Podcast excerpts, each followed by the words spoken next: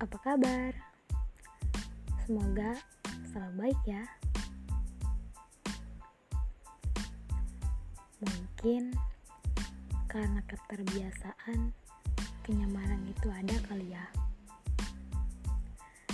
Soalnya, sedari kecil memang sudah terbiasa tidak pernah diantar jemput kalau mau ke mana-mana. Kebawa hingga sekarang rasanya tuh berbeda. Seneng aja gitu ketika berpergian menggunakan angkutan umum.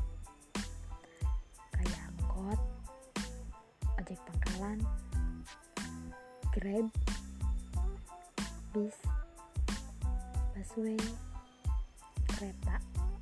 Seru. Pesawat dan kapal yang belum. Next naik kapal kali ya. Mampir ke rumah bibi yang ada di Lampung.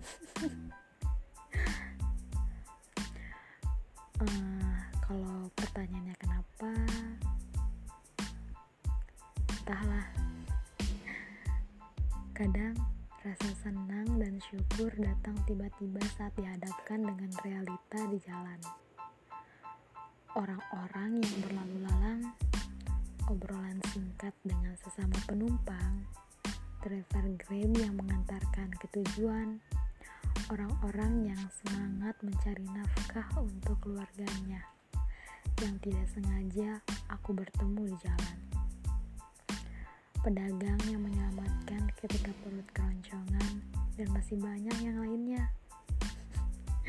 Ternyata semakin sederhana rasa bahagia, semakin mudah untuk kita bisa bersyukur